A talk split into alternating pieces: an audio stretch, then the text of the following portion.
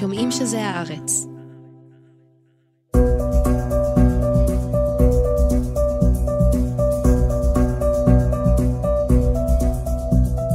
בשבוע שעבר דיברנו כאן על גל הגירה המוני שפוקד את ארצות הברית ושצפוי לחזק את דונלד טראמפ.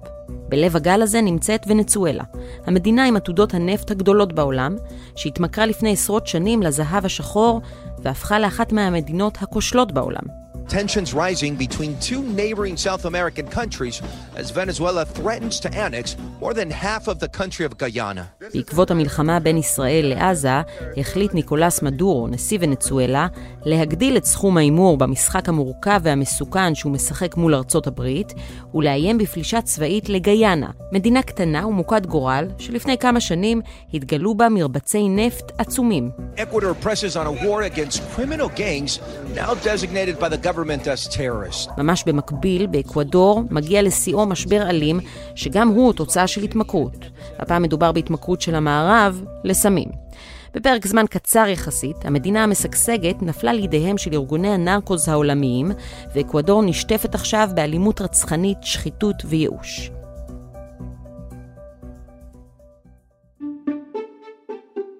היי, אני חן ליברמן, ואתם מאזינים ומאזינות לחוץ לארץ.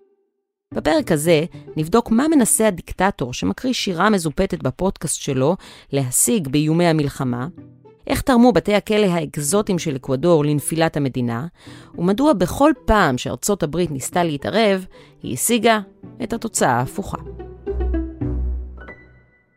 שלום לסבסטיאן בן דניאל, ידיד המערכת ומומחה לאמריקה הלטינית. שלום חן.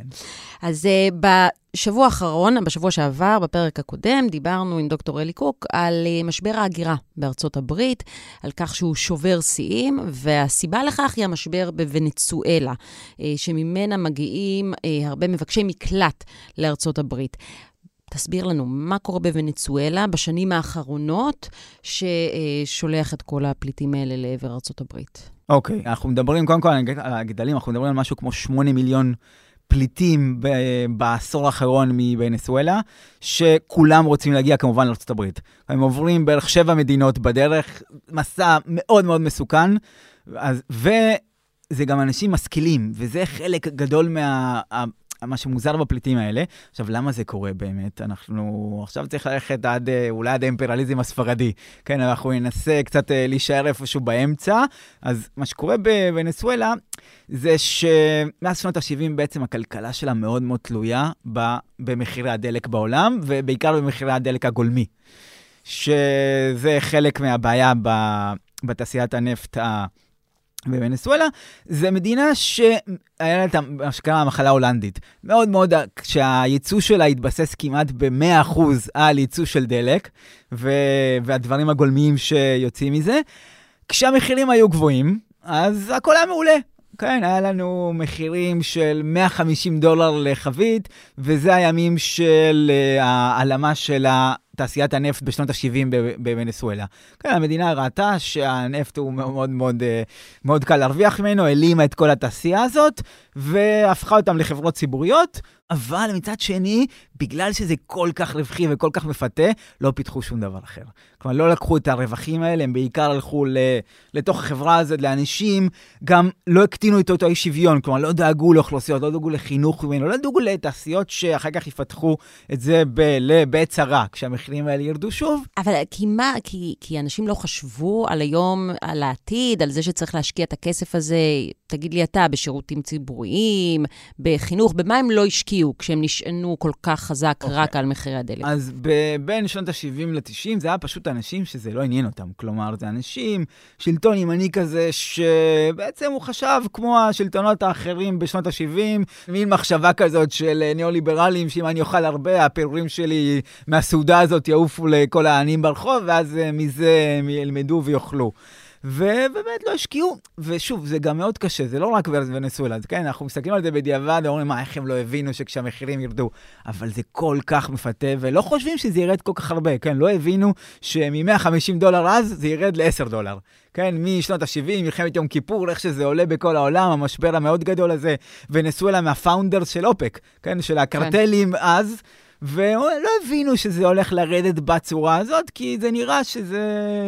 נפט זה משהו שיהיה תמיד. זו מדינה שיש לה עתודות נפט עצומות, אבל מצד שני, מאוד קשה יחסית לעולם להפיק את הנפט הזה, ולהפיק אותו באיכות טובה. למה? למה? זה, זה קשור לגיאולוגיה של, אה, של ונסואלה, מאיפה הנפט הזה הוא באיכות יחסית נמוכה וצריך מזקקות מאוד מאוד מיוחדות לזה. כלומר, שיופיקו מזה, מהנפט הגולמי הזה באיכות יחסית נמוכה. אז אתה אומר שחברות הנפט העדיפו למצוא תחלופות. בדיוק, העדיפו לשאוב עוד למשל. ולא להשקיע במזקקות האלה, שרובם היו בארצות הברית. כלומר, בשנות ה-70, עכשיו זה נראה מוזר, אבל ארצות הברית ונסואלה היו בסטיז. כלומר, היו חברות מאוד מאוד טובות, היא הייתה מאוד אנטי-קומוניסטית באותו זמן, ואז לא, לא חשבו שה... שהחיבור הזה בין ונסואלה לטקסס ייגמר אי פעם. אז לא השקיעו בזה יותר מדי. ואנחנו מגיעים לשנות ה-90, הכל יורד, אנחנו מגיעים למחירים מאוד נמוכים, ונצואלה שוב הופכת לארץ מאוד מאוד שלא נעים לגור בה, ו... וזה הביא את ה... בעצם את המצב לאוגו צ'אבס. כן, אוגו צ'אבס נבחר, היום אנחנו לא זוכרים את זה, אבל בצורה דמוקרטית, בגלל המצב הלא טוב של ונצואלה, בא סוציאליסט כזה. כמו אוגו צ'אבס, וזה היה בכל היבשת פחות או יותר. אבו מוראלס באותו זמן בבוליביה, ובניקרגו קראו אותם תהליכים, ואוגו צ'אבס מגיע לשלטון, והוא איש מוכשר מאוד. כן, אם אנחנו עכשיו בדיעבד מה שקרה, אנחנו לא רואים את זה, אבל כן, הוא היה מאוד פופולרי בזמנו, והוא גם הביא טיעון טוב. הוא אמר, תראו, היה לנו המון המון רווחים מה... נפט, כן? ולא השקענו אותם בלהקטין את השוויון, לא השקענו את זה בחינוך, לא השקענו בשום דבר שהביא לצמיחה, והשקענו את זה פשוט בזה שאנשים יהיו עוד יותר עשירים, אלה שגם כך יהיו עשירים, וגם בחברות שמי שהרוויח מזה היה הרבה אקסון מובייל, כן? שברון, כל החברות האמריקאיות האלה. אפילו שהעלמנו את התעשייה הזאת, בעצם רוב הרווח עדיין הלך החוצה. Ayer estuvo el diablo aquí En este mismo lugar huele a azufre todavía. מה הפך את אותו צ'אבס מסוציאליסט פופולרי לפופוליסט? אוקיי, וזה מה שקורה, התהליך הזה, כן, ה... הוא השקיע המון מהרווחים האלה, וזה צריך להגיד לזכותו, ב... בדיוק בתוכניות הסוציאליות האלה. יותר מדי כנראה, כן, בדיעבד שאנחנו חושבים על זה, גם הוא לא ראה את ה... למשל, הוא לא הבין שהוא צריך להשקיע בפיתוח מספיק של תעשיית הנפט, כי בסוף בארות נגמרים וצריך לקדוח חדשים, וצריך להשקיע במהנדסים שיעשו את זה, יש המון המון, זה, זה תחום די מסובך, כן? וצ'אבס לא ידע לנהל אותו כמו שצריך. בשנים הראשונות, וגם, ועוד פחות אחר כך. אז אנחנו מגיעים לשנים שבעצם, וזה קורה הרבה ב, למשטרים כאלה, כבר שהם ממשיכים יותר זמן, כן, אנחנו עוברים קדנציה אחת ושנייה, אנחנו מגיעים מ-98 כבר לשנות האלפיים המאוחרות. אנחנו מגיעים בסביבות 2010, המשטרים האלה, מעצם טבעם, הם פשוט הולכים והופכים למושחתים. כן, צ'אבס הופך ממנהיג סוציאליסטי באמת שהוא לאלוהים. ו- והיה לו מאוד קשה לחשוב לטווח הארוך בגלל זה, בגלל גם שהוא חשב רק על עצמו, כלומר, הוא לא חשב יותר על המדינה בזמן הזה, הוא כבר היה חולה סרטן בסוף וכאלה, ועדיין זה היה סביר. כן, הוא עדיין היה מנהיג מוכשר, שבאמת הצליח איכשהו לשמור את ונסואלה כזה צפה. אבל לא, וזה משהו שפופוליזם עשה בהרבה מקומות באמריקה הלטינית, אף אחד מהמנהיגים האלה, אולי גם עכשיו על ישראל ב, ב, בעניין הזה, לא הצליחו לפתח לידם מישהו שבאמת יוכל להחליף אותם, מישהו מוכשר מספיק, כן, כמו המנהיג הראשוני של האומה, שיוכל לקחת את זה, ואנחנו מגיעים לניקולס מדורו, שהוא בעצם כל הפופוליזם של צ'אבס, בלי שום מהכישרונות שלו.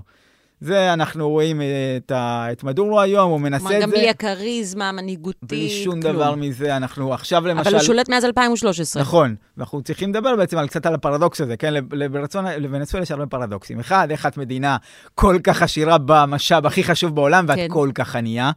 שזה נדבר עוד מעט, והפרדוקס השני באמת, איך הוא חסר כריזמה לחלוטין, פה, כבר עשור שם, זה בן אדם שעכשיו לקראת חסר הבחירות... חסר כריזמה, חסר ביצועים, אז, אז אוקיי. שום דבר הוא לא יכול אה, לתת אז לזכותו. אז יש לך הסבר לפרדוקס, הזה? קודם כל, בואו נדבר רק על הפופוליזם שלו. כן. השבוע הוא השיק פודקאסט. ב... מוזמן להתארח אצלנו. כן. כן, והפודקאסט שלו, שוב, הוא, את כל החולאים שלו רואים עכשיו, הוא מראיין את אשתו כל הזמן, הוא, הוא כותב שירים, והוא חושב, הוא לא מבין שהוא לא יודע לכתוב שירים, והוא שר, זה, זה קורע. הולה, ¿cómo están? Mi saludo, empiezo Maduro Podcast. Silvia, ¿cómo estás? Bueno, muy bien y ahora mejor en este primer podcast. ושוב, הוא מתעלם מכל הבעיות שלו, מכל המהגרים שעכשיו בעצם כשמדורו נכנס, וכולם מבינים בעצם שהמדינה לא הולכת לשום מקום טוב, שם מתחיל הגל הגדול לארצות הברית. קורות גם, ב, למשל, זה משפיע על כמובן ארצות הברית, אבל גם לכל מיני תופעות מחרידות בקולומביה נגיד. נפתחה שם ליגת בייסבול. כי הספורט הלאומי בוונסואלה זה בייסבול, והמהגרים אוהבים לשחק את זה, עברו לבוגוטה. כן, ואנחנו רואים כל מיני דברים מוזרים כאלה. אה, אז מדורו נכנס באמת, הוא מביא את... אהבתי שלזה קראת דברים מחרידים. מחרידים לחלוטין. היו לי ציפיות אחרות. זה מבחינתי אחת התופעות הכי גרועות של ההגירה הזאת. אז רגע, אז באיזה שנים כבר אנחנו רואים את גלי ההגירה האלה? אוקיי, אז זה מתחיל ב-2014. שכולם מבינים שזה לא הולך לשום מקום טוב. אה, שזה ממש שנה אחרי כן, עלייתו. תראו, אנחנו גם אחרי הרבה שנים כושלות של צ'אבס, כן? אנחנו כן. מגיעים לדבר הזה. מדורו עולה, המחירים שוב נמוכים, מדורו עכשיו בעצם מסתיר את כל המספרים. אין יותר אינפלציה בוונסואלה, אנחנו לא יודעים, זה היה כנראה בסביבות ה-700 אחוז. אנחנו כנראה, באמת, אנשים היו בימים זוגיים למשל, היה אפשר לקנות לחם לפי התעודת זהות. ומשהתעודת זהות שלו מסתיימת באי זוגי, אז יכול לקנות חלב ביום השני. זה הגיע לכל מיני הקצוות כאלה מאוד מאוד קשוחות, ו... ושוב, אנחנו עכשיו עוברים עשור כזה, שאיך הוא שומר על הפופולריות שלו? אחד, זה שיש לו את האינרציה של צ'אבס. כן, אנשים, האנשים המשכילים, אלה שנגדו, פשוט החליטו לעזוב. כן, הם אמרו, הם ויתרו על ונסואלה, וזה צריך להגיד שזה קורה בהרבה מדינות. בסוף השכבה שיכולה, עוזבת, והם מאבדים את, את, בעצם את ההתנגדות בפנים. כל עוד אה, הוא שומר על המקורבים לשלטון שלו במצב יחסית בסדר, אז זה נשאר. כך אנחנו עוברים בעצם עד טראמפ, שהוא החליט לעשות לוונסואלה סנקציות מטורפות. בגלל כביכול שהיא לא דמוקרטית, שזה כמובן לא נכון, כי הרי בסוף מה אנחנו פוגשים? הם אמרו, טוב, אסור לקנות עכשיו נפט מוונסואלה, אבל גם סנקציות שליניות. כלומר, מי שעובד עם חברות הנפט של וונסואלה, אסור לקנות ממנו. עכשיו, מצד שני, הם סעודיה, זה החברים הכי כן, טובים שלהם. כן, זה לא שטראמפ הוא לוחם לא, דמוקרטיה, לא, זה, הבנתי. זה לא כן. הסיבה, כמובן. כן, הוא, טראמפ ראה את העולם בצורה מאוד מאוד בסיסית. והוא אמר, אה, ונסואה הם לא חברים שלנו, כן, הם בצד הלא נכון של הדבר הזה, אז אם אתה בצד הלא נכון, ואתה לא דמוקרטי, אז אנחנו נעשה לך סנקציות, ואז למדורה מאוד קל לקחת את הסנקציות האלה ולהגיד, בגלל זה אנחנו לא מצליחים. כן, לא בגלל מה שאנחנו דיברנו על זה עכשיו, אנחנו לא מצליחים, ו, ו, וזה עבד, כן. אגב, זה... אפרופו לא דמוקרטי, מדור גם הוביל מהפכה חוקתית. מהפכה חוקתית. מש... שהובילה uh, למשבר חוקתי. ב... הוא גם העלים עוד יותר את החברות האלה, כי הוא הכניס את כל האנשים שלו לתוך החברות האלה, והוא הוביל את המהפכה הזאת שאומרת, אני, אני בעצם, אין, אין ביקורת שיפוטית על שום דבר, כן, שאני עושה, במיוחד לא על הבחירות.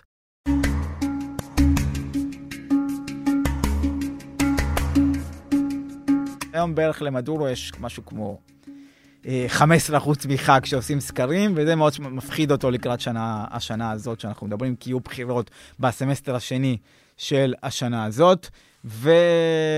וזה מביא אותנו בעצם אולי מה שרצינו לדבר, למשבר עם גיינה. שבעצם זה אחת הסיבות הגדולות למה שקורה שם. באוקטובר האחרון מתחילה מלחמה בין עזה לישראל, וזה פוגע בתכנונים של ארה"ב, שהם כבר ראו מאחרי אוקראינה, הם אמרו, טוב, בואו נאפשר קצת לאיראן אה, להגדיל את ייצוא הנפט שלה לעולם, ונדבר קצת עם ונסואלה, מי גם כי אנחנו רוצים יותר נפט בעולם, מצד אחד, ומצד שני, ביידן מבין שאין שום דרך אחרת לטפל בהגירה לארה"ב, חוץ מלטפל במה שהוא קרא לו התוכנית שלו, זה הסיבות בסיס. כן, ה... והסיבות בסיס להגירה לארה"ב זה שלטינו אמריקה היא מקום לא טוב. כלומר, ביידן רוצה לשפר את המצב בוונצואלה כדי שתהיה פחות הגירה לארצות הברית? נכון, לא רק בוונצואלה, הונדורס. כלומר, הוא אומר, אנחנו נסתכל לא מחר אלה שעוברים את הגבול, אלא אם נשפר שם את המצב באקוודור, בעוד הרבה מקומות, אז אקוודור, אנחנו... אקוודור, עוד מעט נדבר על אקוודור. נדבר על זה, נכון. אז אנחנו מגיעים למצב הזה, שהוא אומר בואו נשפר קצת את המצב. וניתן למשל, לפחות לש... בינתיים לשברון לעבוד שם, כדי שוונצואלה תוכל לשלם חובות לפחות מהדבר הזה, נוריד לסנקציות, נגיע להסכם סוג של. עכשיו, ביידן עושה עוד משהו, שזה מביא אותנו למשבר בגיאנה, שהוא מכריח את מדור ללכת לבחירות, שלפחות יהיה להם פיקוח חיצוני. כלומר שיהיה קשה לזייף אותה, יותר קשה מכרגיל, הם מגיעים להסכם בברבדוס, שארצות הברית היא לא חלק ממנו, אבל זה שני הדברים שהוא חושב לעשות. כלומר, לאפשר למצב הכלכלי להיות יותר טוב, ומצד שני, אה, להפוך אותה ליותר דמוקרטית, לפחות שתהיה אופוזיציה, שתהיה סוג של תקווה לאנשים שיוכלו לחזור. ועוד משהו שהוא עושה, הוא מדור בעצם חלק מההסכם הזה, זה מאפשר לארה"ב להטיס מהגרים לא חוקיים לחזרה לוונסואלה. כלומר, מה שנגיד, מה שישראל תמיד רוצה לעשות, כן, שהיא לא יכולה, אבל גם אז, כשוונצואלה הייתה מדינת אויב, היא לא יכלה לעשות את זה. נהיים חברים, אז אפשר שוב להטיס. אנחנו מגיעים עכשיו שוב לאוקטובר האחרון, מתחילה המלחמה הזאת, ונסואלה רואה שזו הזדמנות טובה בשבילה ללחוץ את ארצות הברית, והיא לא כל כך רוצה ללכת לבחירות, כי יש מועמדת אופוזיציה מעולה, קוראים לה מריה אה, מצ'אדו, שנשמע עליה עוד בעתיד, שהיא זוכה לפופולריות מטורפת. היא קיבלה בפריימריז המאוד מפתיעים, שהשתתפו בהם מיליוני בני אדם, משהו כמו 90% מהקולות. כן, וכל מפגני הכוח של מדורו הם הרבה יותר קטנים מזה. הוא הלך למשל למשאל עם. כשאנחנו מדברים על גייאנה, אז uh, חלק מה, מלחמה שתהיה, הוא הלך למשאל עם על זה. הוא אמר, הוא שאל את הוונצוליאנים האם הם רוצים בעצם לפלוש לגייאנה, והם אמרו לו באחוזים גדולים, אבל בהשתתפות מאוד קטנה, כן. כלומר, היה לו, זה היה מפגן עצוב מאוד של תמיכה במדורו. כלומר, מעט מאוד אנשים הלכו ל- ל- להצביע. This is a direct threat to Guyana's territorial integrity, sovereignty, and political independence, and in violation of fundamental principles of international law enshrined in the UN and OS charters. אז בוא נסביר עכשיו על באמת מה קורה בגיינה בקצרה. אה, כן, אם תוכל להסביר לנו באמת את הסכסוך ההיסטורי הזה ואיפה כן. הוא מתחיל. אז קודם כל, מבחינת מלחמה, אני ארגיע את המאזינים שלנו, לא קורות הרבה מלחמות באמריקה הלטינית, כן? אז קשה שזה יקרה. אבל הסכסוך הוא מתחיל כמובן באימפריאליזם, נקפוץ, בניגוד לטבע שלי, נקפוץ מהר. כן, זה השטח של ונסואלה. בשמה, כשהיא קיבלה את העצמאות מהספרדים ב-1820, כן, אנחנו מדברים, הבריטים ששולטים בגיינה, גיינה זה המקום פחות או היחיד באמריקה הלטינית שמדבר אנגלית. לכן כן. אנחנו לא יכולים לדבר איתם, כאילו אף אחד לא יודע מה קורה שם, ו... אבל זה לא שטח של גיינה, זה שטח אה, של כאילו, של ונסואלה, הבריטים רואים שם זהב בשנות ה-1840, משהו כזה, אז הם פולשים לשטח הזה ומשתלטים עליו. עכשיו, זה, זה ג'ונגל ריק לגמרי, אין שם, גם היום, מעט מאוד אה, הצפיפות היא אפס, פחות או יותר, משהו כמו 50 אלף אנשים, גם, אבל היה שם זהב, ונכנסו לשטח הזה, אמרו, יאללה, זה שלנו. הלכו לבוררות ב-1900, הבוררות הייתה ארצות הברית ובריטניה, והם קבעו, כמו בתעלת פנמה, נגיד, אחר כך, במסמכים באנגלית, לא הביאו את ונסואלה לזה, זה שלנו. כן, קבעו את זה, ו- ומאז זה התקבע גם באו"ם. ונסואלה תמיד היה לה טענות לשם, עד uh, צ'אבס למשל, כשהוא נבחר, חלק מהפופוליזם שלו היה להגיד, שמע, גיינה זה שטח ונסולני, אבל הוא לא עשה עם זה יותר מדי. אבל האוכלוסייה בגיינה שאמרת 50 אלף איש? לא, גיינה היא כמעט מיליון, אבל בשטח של האסקיבו, שזה השטח אה, אוקיי. שאנחנו נדבר עליו עוד מעט... השטח אה, במחלוקת, כן. שטח, ש... שטח ריק כמעט, אבל האוכלוסייה שם דוברת אנגלית, אוכלוסייה כן, של אה, גיינה. כן, זה אוכלוסייה, אגב, זה מעניין לגבי גיינה, הם כולם עבדים שהאנגלים הביאו. עבדים בהתחלה, שההולנדים אה, שאז היו, והאנגלים, ועובדים, כביכול, מהודו. כן, אלה שבנו את תעלת פנמה ואחר כך הגיעו לשם, וזה היה כשכאילו העבדות נגמרה בבריטניה, הם החליפו את העבדות באותו דבר. פשוט הביאו עבדים מאוד מאוד בזול, וכאילו שילמו להם, בעצם לקחו מהם כסף, כי אמרו, טוב, בנו להם את הבתים כאילו שהם גרו בהם, וזה היה פחות מהשכר, אז הגענו ל, כן, לשנים האלה, גיינה זה שוב מדינת פחות עבדים, לעומת ונסואלה אגב, שהרוב הם אה, צאצאים של הספרדים. כן, משהו יותר מ-50 אחוז אפילו. אנחנו מגיעים לשטח הזה, ומגיע 1950, עכשיו, לא היה שם הרבה זהב, מסתבר. זה לא היה כזה שטח שהיה שווה, לאף אחד לא היה אכפת מהשטח הזה, חוץ מסיבות כאילו לאומניות. כן, אם כן. מדבר על אמריקה הלטינית, זה כמו המלווינה של ארגנטינה בזמן הזה. כאילו, זה מין אי כזה, שהוא רק אבן, לאף אחד לא אכפת ממנו, פשוט האנגלים שם, ואנחנו לא רוצים אותם באזור שלנו. ואז אה, אנחנו מגיעים לשנת 70, אה, גיינה מקבלת עצמאות, כן, זה די מאוחר. ועוברים עוברים שנים, מדברים על זה, אבל לאף אחד לא באמת אכפת מהשטח הזה, עד 2015, שהם מוצאים שמה את המאגר נפט אולי הכי גדול שגילו עשרות שנים בעולם, גיינה, המדינה עד אז, הכי ענייה בעולם, שיעור המתאבדים הכי גדול בעולם. זה באמת מדינה הכי עצובה שיש, זה... אני לא אומר שעוני הוא בהכרח מוביל לעצבות, אבל שמה כן. ו... ו... ואז מגיעים לשנה הזאת, וכולם מסתכלים על זה, וארצות הברית שולחת לשם את אקסון מובייל ושברון, שקונים את זה מאוד מאוד בזול. את כל המאגרים העצומים האלה, באמת מהעתודות, אולי עכשיו חמש, חמש בעולם, משהו כזה באמת מטורף, עוד בים של גיינה, שזה בכלל שטח לא מוסדר. אך כאילו, כשסגרו את ה... זה שטח ימי. כן, כשסגרו אותה כאילו בבוררות הקרקע, לא חשבו על הים, כי למי אכפת, כן? מה, מה שקורה שם. אז uh, מגיעים אבל למאגרים העצומים האלה, ו... ואז כן, מתחילים לדבר על זה המון. מדור אומר, או, זה, זה שלנו, למה? כי אני הרסתי את תעשיית הנפט שלנו, אין כל כך איך לתקן אותה, הם גם די חירבו את המאגרים בגלל החוסר ידע והשאיבת יתר. למרות העתודות העצומות, יהיה מאוד מאוד קשה לוונסואלה לשאוב מהם, גם כשהמחירים עכשיו עולים ו- ויש את המשבר עם איראן וגאזה וכל זה. מאוד קשה עכשיו, המרחק התנאה של, של uh, ונסואלה מלהתחיל לשאוב שוב, וגם אם יורידו את הסנקציות, יהיה שנים כאילו להביא את הידע וכל זה, אבל בגיינה כבר יש עכשיו בארות מוכנים של החברות האלה, אז מה שמדורו עושה באוקטובר, הוא אומר, זה שלנו. כן, תמיד היה שלנו. פתאום עכשיו הוא נזכר. כן, לא, כן. נכון, ואז הוא אומר, זה שלנו, אז זה החברות האלה, ו, וזה משמש אותו לשני דברים. אחד, זה בעצם להגיד שהאופוזיציה בפנים היא לא פטריוטית, כי היא לא מדברת על זה. כן, זה רק אנחנו, אני איש מצבא בעצם, אני באתי, זה הצבא, ואנחנו היה, כן, אנחנו הוונצואלים האמיתיים, שתמיד האמנו בזה, מאז ומלחמה, מאז ותמיד היינו במלחמה עם גיינה, כן? זה מה שהוא אומר לעם שלו, ו- וזה עובד. כן, לעם, זה, זה מה שקצת מעצבן בלאומיות. גם אם אתה מבין את זה, זה עדיין עובד עליך. כן, אני עדיין, כן, אני מבין את כל מה של לאומיות וזה, אבל כשאני רואה את מסי מרים גביע, אני בוכה. אין לי מה לעשות עם זה. אפשר לראות איך כיורשו של צ'אבס, שהוא היה פופוליסט משמאל, הוא זולג לפופוליסט לאומני ימני. נכון, אבל הרבה מהפופוליזם, גם פירון או אנשים כאלה, הם הרבה מדברים על לאומיות. כאילו, בלטינו אמריקה, השמאל הוא לא אנטי-לאומני, הוא כן רואה את הכוח הזה, mm-hmm. ואולי זה בגלל... כן, לא נדבר על זה עכשיו, אולי זה גם הסיבות שהוא כן מצליח, לעומת מקומות אחרים באירופה, וכאלה, למשוך גם את האוכלוסייה שהוא בעצם מדבר עליה. כן, אנחנו מדברים על עניים ועל לא משכילים, ו...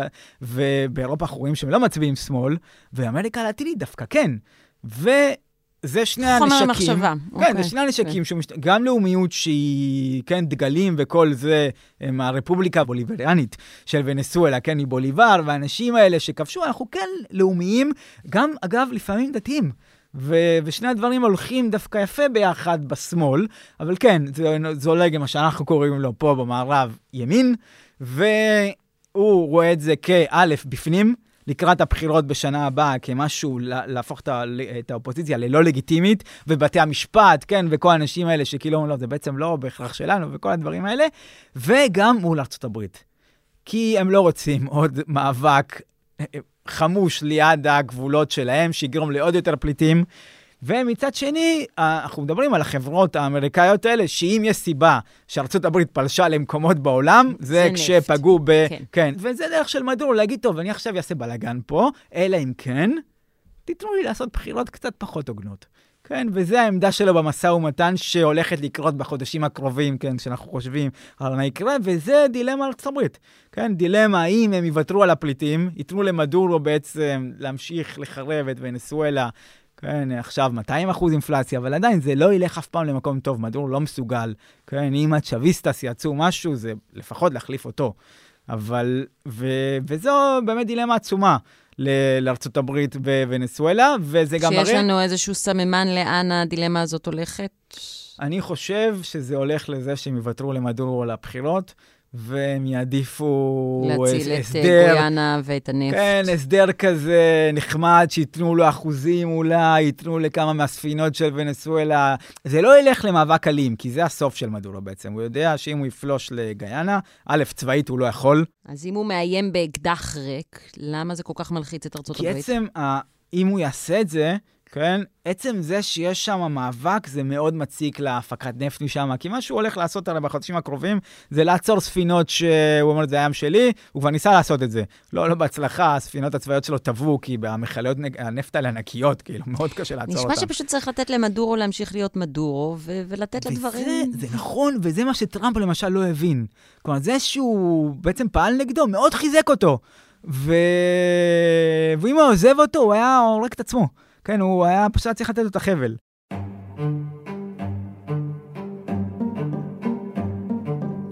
Y hoy sabemos que estamos a un paso, un paso de darle su primera derrota a Nicolás Maduro este próximo 29 de octubre.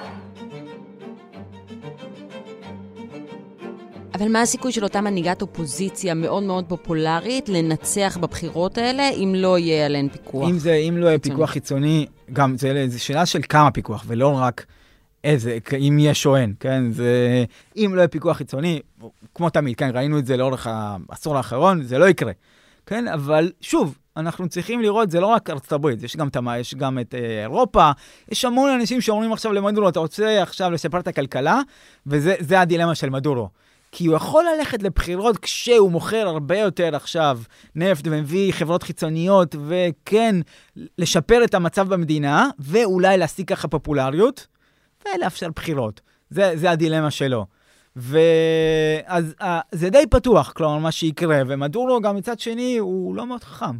כלומר, אנחנו יודעים שהרציונל שלו לא תמיד מצליח, אז יכול להיות שהוא כן ינסה לשפר קצת את המצב ולהסתכן איפשהו, והיא כל כך פופולרית שיהיה מאוד קשה לזייף את הבחירות נגדה. כלומר, יצטרכו לעבוד מאוד קשה, זה לא יהיה פשוט, uh, כן, פה ושם באיזה מחוז, ויצטרכו לעשות את זה בקנה מידה כזה, שיהיה מאוד קשה להסתיר את זה.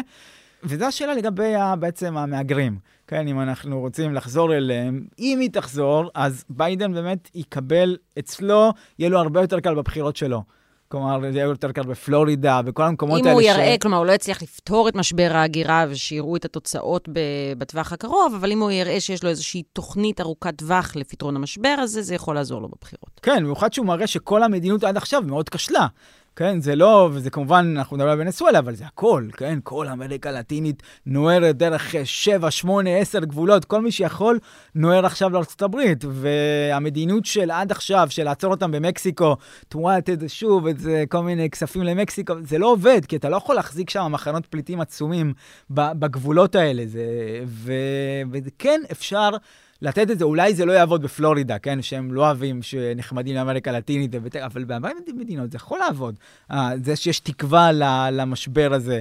ואם זה, אנחנו עכשיו רוצים לעבור דרך אותו משבר של ונסואלה, דרך המהגרים, ועוד האלימות שנדבר עליה עכשיו בדיעבד, גם באקוודור, אז גם באקוודור עכשיו מה שקורה זה שכל מי שיכול בעצם עוזב.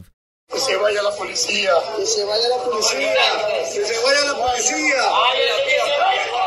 אז רק נגיד שאקוודור אה, משכה הרבה תשומת לב אה, בשבועות האחרונים, בשבועיים האחרונים, בגלל אירוע טלוויזיוני מאוד מאוד דרמטי אה, של השתלטות עוינת על, על תחנת שידור, אז, ומתוך זה אנשים התחילו קצת להתעניין במשבר המטורף שקורה עכשיו באקוודור. נכון. אז קצת תספר לנו על ההשתלטות הזאת, על תחנת הטלוויזיה, ואז משם נמשיך לדבר על אקוודור, ולמה גם מאקוודור יוצאים עכשיו פליטים שבורחים לארצות הברית. אוקיי, אז עכשיו צריך את המוזיקה של נרקוס, כן? הנעימת פתיחה הזאת צריכה להגיע לפה.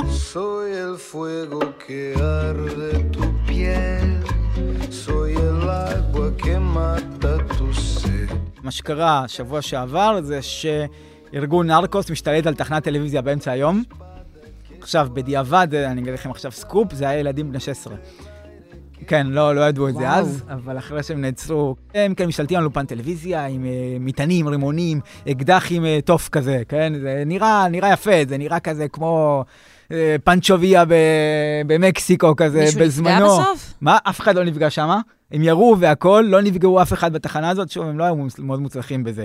אבל זה לא שינה, כן, זה עצם הטלוויזיוניות של, וזאת הייתה גם הסיבה בעצם לדבר הזה. הם אה, ראו את זה בכל העולם, כל העיתונים של אמריקה הלטינית, ש- 18 כתבות בכל, אה, כן, בכל שער על הבעיות עומק של אקוודור, אבל בתכלס כולם מראים את הקליפ הזה של ההשתלטות. וכמה זה היה יפה. במקביל אבל, ומה שקורה עכשיו בקיטו וגואיאקיל, זה שמכוניות תופת מתפוצצות, ובתי הכלא עכשיו אה, לקחו מאות חטופים, יש משבר חטופים עצום עכשיו באקוודור, והמדינה בעצם גלשה למשטר צבאי ואנרכיה לחלוטין. אנרכיה לא בקטע טוב כמוני. כאילו. ולולא הילדים בני 16 האלה בתחנת טלוויזיה, אז גם העולם לא היה מדבר על זה. אבל בואו נדבר נכון. רגע על באמת מה הוביל את אקוודור לכאוס הזה עכשיו. אוקיי, אז מה שקרה לאקוודור זה, זה קצת עצוב, כי שאתה אומר על ונצואלה, אנחנו קצת מגיע להם, נכון? כי הם הרסו את עצמם. אנחנו אומרים, טוב, הם בחרו מישהו, וזה זה הגיע לזה, העם לא אשם כמובן, אבל זה משהו אני לפחות... לא חשבתי כך, אבל בסדר. כן, אני יותר אכזר אולי. אוקיי. אבל כן, אומרים את זה, האווירה בישראל עכשיו משתלטת קצת עליי גם, והם אומרים, טוב, הביאו את זה על עצמם, נכון? הם אה, ככה. ו... אבל באקוודור זה קצת לא אשמתם גם. וזה אה, מה שקורה כשאתה חלק מאמריקה הלטינית, אתה סובל גם מאחרים. ומה שקרה זה שארגונים, ארגוני נרקוס טרנס-מדינתיים, עצומים, ולא רק אמר- מאמריקה הלטינית, גם מאפיות אלבניות, כולם ראו את אקוודור כמין טרף כזה זול. כי מה קרה? אקוודור, א', היא מקום מעולה, שנסתכל, נגיד, המאזינים שלנו שעכשיו יסתכלו על מפה, זה מקום כל כך טוב, כי הוא יושב על הגבולות של קולומביה ופרו, יצרניות הקוקאין הכי גדולות בעולם. מצד אחד. מצד שני, יש להם יציאה לאוקיינוס הפסיפיק, ישר לקוסט, אה, לחוף המערבי של ארצות הברית. ומצד שני, יש להם יציאה לאירופה, דרך תעלת פנמה, או מסלול אחר שאומנם נדבר על דרך אפריקה, וגם יש יציאה לאמזונז, וזה גם ברזיל היא קניינית סמים מאוד מאוד גדולה לכל אמריקה הלטינית, היא האב מושלם למעבר. היום אנחנו חושדים שבערך חצי מהקוקאין בעולם עובר באקוודור. עכשיו, לאורך השנים זה לא היה כזה. ככל שהמשטרים היו יותר קשוחים בקולומביה, והם התחילו, הם השתפרו והשתפרו יותר ולהילחם שם ב... בארגוני הנרקוס ובמקסיקו סגרו את הגבולות באל פאסו לארה"ב, הם אמרו, אה, בואו נמצא את המסלול הזה דרך אקוודור. ו-2017 מגיע, גם מתפרקות המחתרות, הפארק בקולומביה, הגבול נופל בעצם, הם שמרו, כן, אולי אנחנו מדברים על דברים לא כך טובים, אבל הם שמרו על הגבול ב- של אקוודור. לא גידלו שם הרבה קוקה למשל, והיה קשה לעבור לאקוודור דרכם, והם נופלים, נהיית שם האנשים האלה שעבדו בפארק, אבל אין להם עבודה. The Revolutionary Armed Forces of Colombia, or FARC, have been fighting a brutal insurgency against the Colombian government for 51 years. אז בוא תסביר רגע על הפארק, על הנפילה של הפארק ואיך זה משפיע. כן, זה דווקא מקטע טוב. כלומר, נהיה סוף סוף הסכם שלום. מלחמת אזרחים עקובה מדם בקולומביה, נגמרת. 200 אלף הרוגים, מלחמת, באמת, מלחמה נוראית, נגמרת. מגיעים אה, עכשיו פטרו, נשיא מהפארק. כן, הוא היה מרקסיסט, לא, לא מאלה שסחבו הרבה נשק, אבל מאלה שכתבו על זה. כן, גרמשי וכאלה. ו... ואז היא מגיעה למקום טוב, קולומביה, סוף סוף. ו... אבל זה עושה דברים לא טובים במקומות אחרים, כן, נהיה שם שלום, והמחתרות מתפרקות, ואנחנו עכשיו מגיעים לאקוודור. עכשיו, זה לא כל כך נורא. כשאתה רק תחנת מעבר, כן, יש שם מאבק שליטה, אבל בתח... בסך הכל, אז המס... המיסים עוב- אה, אבל הסמים תחנת עוברים מעבר. לאן? כלומר, אתה אומר שבעצם... לכל העולם. אוקיי. מצד אחד, לארצות הברית דרך האוקיינוס, כן. כן, ושם אם אנחנו רוצים משהו אירוני, אז כל הקוקאין הייתה מתחת לבננות. כן, בננות זה הדבר הראשי שארצות הברית בעצם גנבו מאמריקה הלטינית. הם גידלו יונייטד פרוט וכל זה, כל החברות האלה שבעצם השתלטו על כל השטחים המאוד מניבים, אז uh, החביאו את זה מתחת לבננות, ומה שקרה עם הארגוני נרקוס האלה, שהם סך הכל השתלטו על הנמלים. כל, כל הנמל מופעל על ידי ארגוני נרקוס, ו... ואקוודור הייתה ללא שום הגנה מפני הדבר הזה? היא הייתה מדינה שהיא הייתה מדינה סבבה. כלומר, אנשים שיחסית לאמריקה הלטינית, היא הייתה מעולה. אנשים דיברו עם מוצ'ילרוס אז שנסעו, היה אפשר לעבור בקיטו, נגיד היית יורדת שם בקיטו, היית לוקחת מונית, רוב הסיכויים שהיית מסיימת עם שתי כליות שלך. בניגוד לשאר האמריקה הלטינית, כן, אפילו מונית, שאת לא מכירה. שם שיעור אה, רציחות, חמש למאה אלף, זה, זה אחלה לאמריקה הלטינית. וזה בערך באיזה שנים אנחנו מדברים? שנות ה-90, והיא נהיית גם אה, רפאל קוריאה, בעצם התאום אולי של אבה מורלס באקוודור, נבחר, ושוב, המדינה הופכת למדינה קצת יותר טובה, וזה גם הסיבה לגל פליטים הזה. כשאתה במדינה לא כל כך טובה, כן, טוב, הכל טוב, הכל, שום דבר לא טוב, אבל כשיש מדינה שהיא טובה לך, ופתאום ברגע, וזה מתחיל ב-2018. ה-falling from grace הזה, כן. גורם לאנשים עדיין לרצות את הטוב שהם חוו בחיים הקודמים שלהם באותה כן, אני מדינה. אעשה לי אה, לחם במכונת לחם, יש מכונת אספרסו, פתאום אני לא יכול לצאת לרחוב אחרי שלוש. כן, אז מה שקורה, אנחנו מגיעים ל-2018, הארגונים מתחילים להבין שאקוודור היא גם מקום טוב פשוט להשתלט עליו, שהמשטרה שם היא... והצבא, מה זאת אומרת חלשים? הם כאילו חלשים יחסית, הם כאלה שלא גדלו באבולוציה הזאת מול ארגוני נרקוס. כן, הם לא רגילים לזה, זה שוטרים שהם לא מרוויחים הרבה, מגיעים הארגונים האלה ומציעים להם משכורת פי עשר. כן, זה מתחיל, הם מתחילים להשתלט על אקוודור, ומצד שני, ארצות הברית, גם, שוב, מדיניות של טראמפ היא מאוד דורשת מה, כאילו, הידידות שלה יחסית אז, באמריקה הלטינית, להקשיח מאוד את המדיניות סמים, כי ה... כאילו הטענה בארצות הברית זה שאם יעצרו את הגידול קוקה באמריקה הלטינית ויעצרו כל מי שעוסק בזה, אז לא ימכרו לארצות הברית. כמובן שזה לא נכון, כן? הם צריכים אה, גם, הם בעצם הם מדברים על זה. מצד שני, הביקוש שם רק הולך וגדל. ומצד שלישי, הם גם די מנצלים בינינו, אנחנו לא מדברים על ארצות הברית, אבל הם די אוהבים את זה שהעניים, כאילו, אלה שהם יכולים להכניס אותם לכלא על עבירות פרוטות כמו סמים. אז הם גם די משתמשים בזה בארצות הברית, כן? אבל מצד שני, הם אמרו, טוב, אתם, זה אשמתכם כל הזה. אומנם אתם כבר לא נותנים לי אה, לרסס שדות ולהפציץ שדות של אה, קוקה ואת הארגונים, אבל תפעלו נגד זה, אחרת נעשה עליכם סנקציות מאוד מאוד קשות. כן, אה, היה שם הבסיס של ה-DEA, זה הרשות למלחמה בסמים של ארצות הברית, שבעצם היא לא פועלת בארצות הברית. כן, היא פועלת ברוב אמריקה הלטינית, עם כל מיני סמכויות. אז הבסיס היה הזה- הבסיס של ה-DEA באקוודור, כן, הוא פורק, שוב, מכל מיני מאבקים כאלה מול ארצות הברית. ועד כמה זה האיץ את הבלגן? בצפ... שם בגבול מול קולומביה, כן? וזה, האיץ מאוד את התהליך ההשתלטות הזה הנרקוס. פספסו אותו, כן? אנחנו מגיעים עכשיו לקוביד, 2021, ומה שקורה אז, הביקוש לסמים ירד מאוד בארצות הברית, כי נסגרו מועדונים, כן? אפילו לאורך אה, חו- חודש זה היה נורא. אקוודור הופכת אז, במקום האב למעבר, תחנת מעבר, לתחנת אחסון. ב- בגויאקיל, באסמרלדה, כל האזורים האלה הופכים לתחנות של אחסון של סמים, ואז ארגוני נרקוס האלה, שדי הסתדרו, האלבנים, זה היה כאילו די אידיליה, כן? האלבנים עם, המקום, עם המקסיקנים, עם הקרטל של סינלואה, והם די הסתדרו יפה כזה באקוודור, כל עוד כולם הרוויחו מזה הרבה. האלבנים השתלטו על החלק לאירופה, דרך אפריקה ופנמה, והיה שוב את, המקו, את מקסיקו שהשתלטו על המסלול הפסיפיק. וכן, אבל המקומיים אמרו, טוב, אנחנו נייצא פחות באמזונס, די הסתדרו, אבל אז מתחילות מלחמות על שטח. כי אז צריך כבר יותר שטח, הארגונים האלה כבר מרוויחים פחות, ואז הם, הבתי כלא האלה שהם בעצם הופצצו באנשים, כן, כשאנחנו עוברים על אוכלוסיית בתי הכלא מ-10,000 ל-40,000. כבר פי, ולא לא בנו שום בית סוהר. ברגע שזה עובר מתחנת אה, מעבר לתחנת אחסון, אז יש יותר מלחמות בין הכנופיות השונות, בין הארגונים, אבל גם יש יותר אכיפה שלטונית. נכון. אז מתחילה האלימות הזאת. עכשיו, כל עוד הסחר בסמים במדינות האלה לא אלים כל כך, הן מעדיפות להתעלם מזה, הן מפספסות משהו חשוב שלא מדבר עליו, שזה הנרקו-פוליטיקה. כלומר, שזה נכנס למקומות, הכסף העצום הזה, אי אפשר, פוליטיקאים לא יכולים לעמוד בפניו.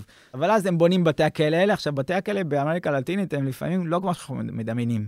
כשהם נהיים עם המון המון אוכלוסייה, הרבה אוכלוסיות יתר, בעצם מי ששולט עליו בפנים זה הארגונים האלה, הם היחידים שהם חמושים בפנים.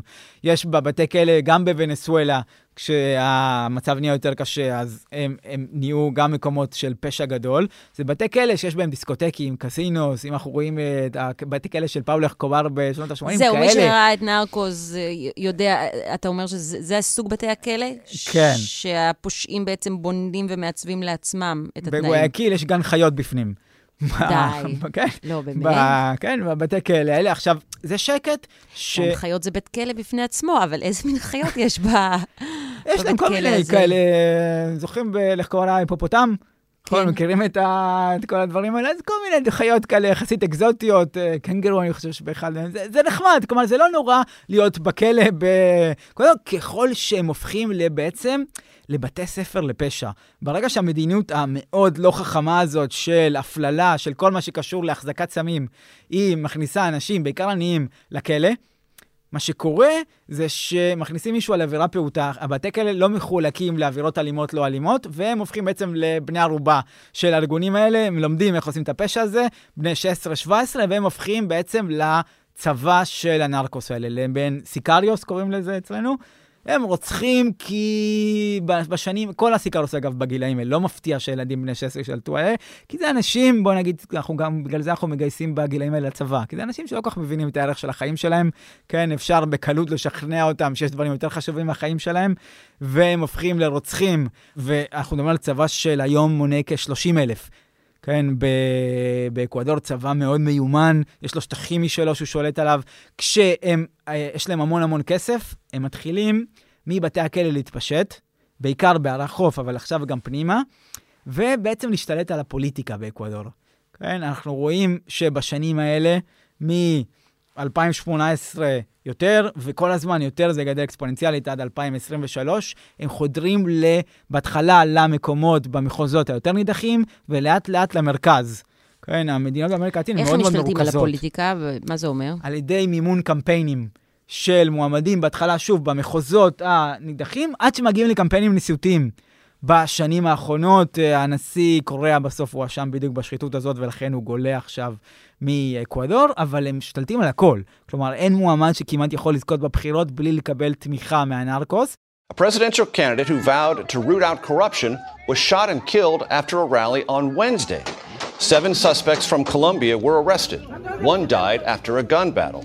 והם רצחו מועמד מוביל שהיה עיתונאי חוקר, והוא למה הוא נרצח? כי חוץ מזה שהוא עשה המון חקירות נגד הכניסה של הכסף של הנרקוס, הנרקופוליטיקה הזאת, לתוך השלטון, הוא גם אמר בשמו את האיש שבעצם התחיל עכשיו את כל הבלאגן הזה, אלפרד המסיאס, שנקרא פיטו, שהוא בעצם ראש הארגון שתפס את התחנת טלוויזיה, והוא ברח, עכשיו אני עושה מרכאות בידיים, אבל הוא ברח מהכלא. עכשיו, זה הרי בתי כלא שהם שולטים עליהם. ברח זה לא בהכרח שהוא היה שם. כן, אנחנו מדברים על כאילו הוא היה בכלא על uh, כל מיני מעשי רצח. רצו להעביר אותו בגלל הרצח הפוליטי הזה לכלא יותר מאובטח, ואז הם גילו שהוא לא שם. הם אמרו שהוא ברח. עכשיו, הוא לא באמת ברח, כן? הוא אף פעם לא היה שם. ומה שקורה זה ש... שוב, אני מרגיש... אבל מה... היה היפופוטם, כן. כן, אני מרגיש מהצחוקים שאני כאילו אומר לכם, תראו, אבל תזכרו שאקוודור הייתה מקום טוב. זהו, ולא כן? כזה מזמן. לא כזה מזמן, זה מקום שהידרדר, וזה לא, אנחנו אומרים על אמריקה הלטינית, כן, סוציאליזם כושל, סוציאליזם מסתכל על בוליביה, סוציאליזם מעולה, כן, ועוד... יש... האלימות הזאת היא מגיעה נורא מהר, כי אנחנו נורא שאננים, אנחנו לא מבינים הרבה פעמים כמה מהר זה יכול להשתנות. ואז, והכסף הזה, שוב, חודר לפוליטיקה, חודר למערכת המשפט. בדצמבר, לפני שהעבירו את הפיטו הזה, שפרננדו וישה וסנסיו, זה שנרצח, כן. בעצם נקב בשמו, וזה מה שהביא לרציחתו. כי הוא לא רק אמר, הוא אמר, הנה, זה השם שלו, ושם הוא מתחיל מאבק בעצם על כבוד מולו, ואז רצחו אותו. הרוצחים של וישה ויסנסיו, יומיים אחר כך נרצחו בעצמם בבית כלא. כי? כי לא רצו שהם ידברו, כן? לא רצו שהם יקשרו את זה, כי ידעו שזה וואו. קצת עובר את הגבול. כן, אנחנו מנסים לא לעבור את הגבול, והם עברו את זה, ואנחנו מגיעים לבחירות שבועיים אחר כך, זה עשה מהפך שלם. זה הביא בעצם לבן אדם, לדניאל נובואה, בן אדם כזה מאוד צעיר, ימין, מרכז כזה, אבל שוב, כשיש כל כך הרבה אלימות, הימין, שמאל, זה לא כל כך משנה, כולם רוצים יד קשה. כן. אנחנו רוצים עכשיו באקוודור את בוקלה, מאל סלבדור, כן? שאומר, כל האזרחים בעצם אומרים, אנחנו מוכנים עכשיו לוותר על הזכויות שלנו, אנחנו רוצים משטר צבאי, אנחנו לא רוצים שום דבר, אנחנו רוצים שיתפסו אותם. זה מה שהם מקבלים עכשיו. וזה מה שהם קיבלו אחרי הבחירות של דניאל נובו הזה, הוא אומר, אני בא עכשיו יד קשה, מה שאני עושה עכשיו, בדצמבר הוא פתח במבצע שקוראים לו מטאסטיס, שזה גרורות. בספרדית, עכשיו למה גרורות? זה בא מה, בעצם לעשות רפרנס לנרקופוליטיקה הזאת, שהארגונים האלה מהכלא בעצם שלחו את הגרורות האלה לתוך הערים, אבל גם לפוליטיקה, וגם פתאום נעצר שופט עליון, שהוא אחראי על הפיקוח על שופטי העליון. נעצר במבצע הגרורות הזה. סרטן בגוף האומה. כן, זה באמת סרטן הדבר כן. הזה, והוא נעצר, משם כמובן הוא יכול לדבר על כולם. כן, ומתחילים להפריד את בתי הסוהר, ואז הנרקוס אומרים, טוב, אנחנו הולכים עכשיו, מפוצצים כל מה שהיה בינינו, ההסכם בשתיקה הזה, שאתם תיתנו לעבוד, וכסף וזה, שוב, כמו שהתפוצץ פה בפנים של כמה מהאנשים, גם שמה. כלומר, אנחנו קשה, כשאנחנו מטפחים כזה דבר, אנחנו אולי לא מסתכלים לטווח הרחוק, שהארגונים האלה בעצם זה לא אנשים שאפשר לדבר איתם, כן? ברגע שיהיה להם כן. מספיק כסף, לא נוכל להתמודד עם הדבר הזה, כי הם יכולים לקנות כל אחד.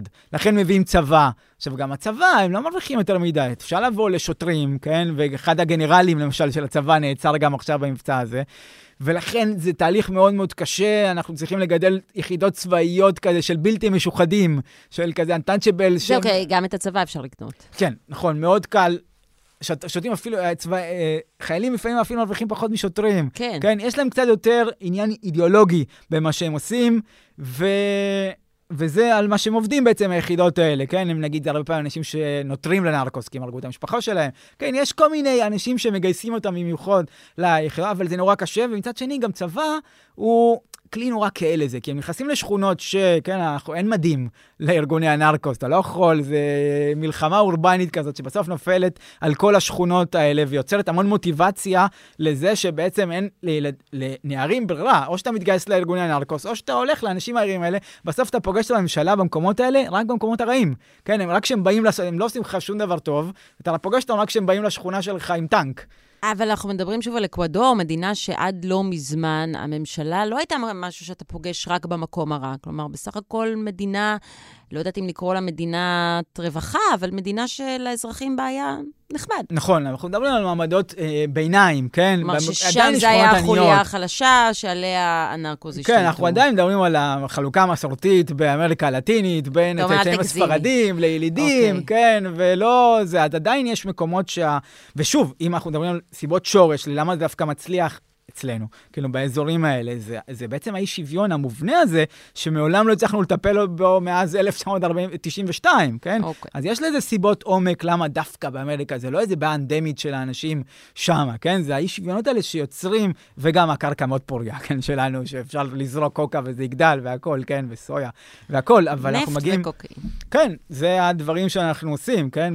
Ecuatorianos, se acabó el tiempo en el que los condenados por narcotráfico, sicariato y el crimen organizado le dictaban al gobierno de turno qué hacer. אז אנחנו מגיעים ל...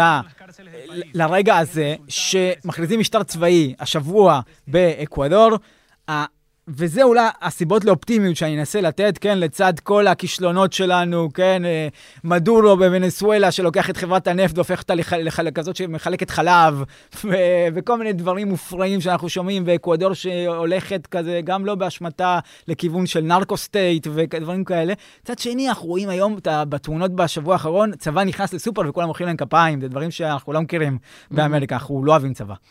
כן. לא, לא אוהבים. כן. בשום מקום מזכר השנות ה-70, החונטות, כן, לא אוהבים את אה, זה, אבל כן, אנחנו רואים היום שאנשים, וואי, נמאס לנו, אנחנו אלה שיכלו להגר, מהגרים, עושים כל מיני פרויקטים של go fund me, כן, וכל מיני outsourcing של להעביר אותך להגר ואתה תחזיר כסף כשתלך, כל מיני דברים כאלה שראיתי היום בוונסואלה ואקוודור בימים האחרונים, אבל כן, האנשים הבינו שאם לא נילחם על המקום הזה עכשיו, נוותר על הזכויות שלנו, כן? ואין מה לעשות, יהיה משטר צבאי, ויש uh, עכשיו בכל הערים כמעט, uh, חוץ מקיטו, יש קרפיו, uh, אסור לצאת בלילה, לא שאנשים רוצים, כן? אבל uh, כן מבינים שאנחנו צריכים גם לטפל בבעיות השורש של הדברים, לאורך זמן, כן? הם כן מנסים לעשות את זה לצד המלחמה המאוד קשה הזאת, כי בסוף אנחנו צריכים לחיות, כן? אנחנו לא... יש בעיה גדולה ומאוד אבל חזקה. לאותו מנהיג דניאל נובוע אין הרבה זמן לעשות את זה. נכון, זה, זה נכון, כי מה שקרה, זה לא ניכנס לעניין הפוליטי, אבל הוא נבחר באמצע הכהונה בעצם. כן, האלימות הזאת בעצם מביאה לאי יציבות פוליטית מאוד חזקה באקוודור, והוא נבחר לשנה וחצי, אבל זה בדיוק, ה... הוא עובד ניסיון. כן, זה עובד זמני שצריך להוכיח את עצמו בשנה וחצי האלה, וזה גם אומר, טוב, אנחנו צריכים לעשות את זה מהר. כן, זה מביא אותו ל... אז אין אולי לנו זה זמן. תמריץ דווקא טוב. כן, זה מביא, והוא מקבל המון, כאילו, המון בעצם תמיכה לצעדים שהוא עושה. כל, הוא תמיכה עצומה והוא בצעדים האלה. מסתובב עם הבטחה מטורפת. כן, אבל שוב, הם לא דווקא מנסים להרוג את הנשיא, כי הם הבינו שזה לא הצד הכי, הכי טוב אה, שלהם. הבנתי, שם זה היה רק עניין של כבוד, כי הוא אמר כן, את שמו. נכון, הוא אמר את שמו, וזה הטעות אז שלה. נובואה לא אומר את שמו? לא, הוא לא, הוא לא אומר פיטו, כן, הוא אומר, אנחנו נילחם בארגוני הנרקוס וזה, אבל הוא כן אומר, הנה, זו המלחמה שלי, כן? אנחנו נגיע לאזורים שהם שולטים בהם, הוא כן הולך על זה, וזאת מלחמה, תראו, בסוף, במקסיקו זה הצליח במידת מה, היום אה, לופס אוברדור מאוד פופולרי נגיד, ומקסיקו היא מקום יותר טוב, בקולומביה זה הצליח. כלומר, לאורך זמן אנחנו כן רואים, זה כמובן, אה, זה נע למקומות אחרים, צ'ילה עכשיו, רסיל פחות טוב, אבל כן, אם האנשים מחויבים לזה, ומבינים שהשחיתות הזאת, שבעצם היא השורש של כל הדבר הזה, בעצם פוגע בכולם. גם באלה שבסוף עושים כסף, אם הם לא יכולים לחיות במקום הזה, לא משנה איזה ערים uh, תעשה gated communities במקומות האלה, בסוף יפרצו אליך. כן. כן? וזה נראה שאפשר, כמובן שאני לא אופטימי, כן? הארגונים האלה מאוד מאוד uh, גדולים וקשה להילחם איתם, אבל uh, לפחות מתחילים לעשות את זה. כלומר, הפסיקו להתעלם מזה, מה, כאילו אם ניתן לביוב לזרוב דרך אקוודור, לא יגיע הרגע הזה שמישהו יעצור הכל וזה יצא אצלנו. כן? ויש את ארצות הברית, מצד שני, שנסגור איתה, התחלנו איתה, נסגור איתה, שהם גם מבינים את כל מה שאמרנו היום. סוף סוף, באמת, אחרי עשרות שנים, הם מבינים שמדינות הקוקאין שלה בעולם כשלה והביאה להרבה יותר קוקאין אצלם. כן, הם מבינים שהכלכלה צריכה ללכת לכיוונים של השמאל החדש, כן, לעשות, להוציא ליתיום, לעשות מזה כלכלות שהן מבוססות על זה, המקומות האלה שהכי סובלים מהאקלים, כלומר, כן, יש איזה עתיד שמבינים שאנחנו צריכים לעבור בשרשרת הערך קצת יותר גבוה. קוקאין לא מרוויחים מזה הרבה, כלומר אנשים, אבל ללכת זה קצת יותר, וארצות הברית גם מבינה את זה ומנסה, שוב, להחזיר את האנשים האלה שהם גם משכילים. אז uh, יש איזה סיבות לאופטימיות, גם אם אנחנו באמריקה הלטינית. זה נאחל בהצלחה לביידן, עם כל הסיפור. לביידן, ובעיקר לאקוודור ולוונסואלה כן, כן, בבחירות, גם, כן, גם, הוא ברור, ברור, בסוף, ברור. הם, תכל'ס, מה שביידן הכי הבין, זה שיש לו מעט השפעה על זה. כלומר, שהוא לא יכול להחליט, וכל פעם שהם הלכו על זה, הם השיגו את התוצאות ההפוכות בדיוק, כן, אנחנו, אני כן, אני אוהב להאשים אותם, אני לא אומר שלא, כן, אבל הם השיגו את התוצאות ההפוכות באמת, בכל המשטרים האלה, מדורו חי, אורטגה חי, כן, כל המשטרים האלה, קובה שורדת, בעיקר בגלל ארצות הברית גם, המון המון מהדברים האלה, הם הבינו את זה, שהם צריכים קצת להניח, ולדאוג שהמקומות האלה יהיו מקומות יותר טובים. סבסטיאן בן דניאל, תודה רבה לך. תודה רבה.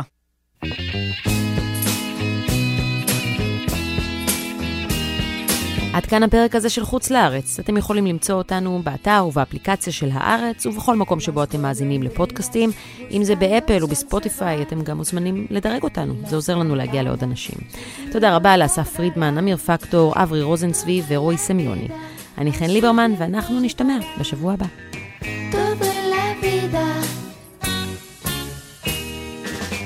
Tierra mojada y flores sin color. Esta es la historia de un mundo sin amor. Todo en la vida a su tiempo llegará. Todo en la vida. Anina nina na, anina nina na, anina nina na, na na nina na na, anina nina na, anina nina na, anina nina na, na na nina na na na.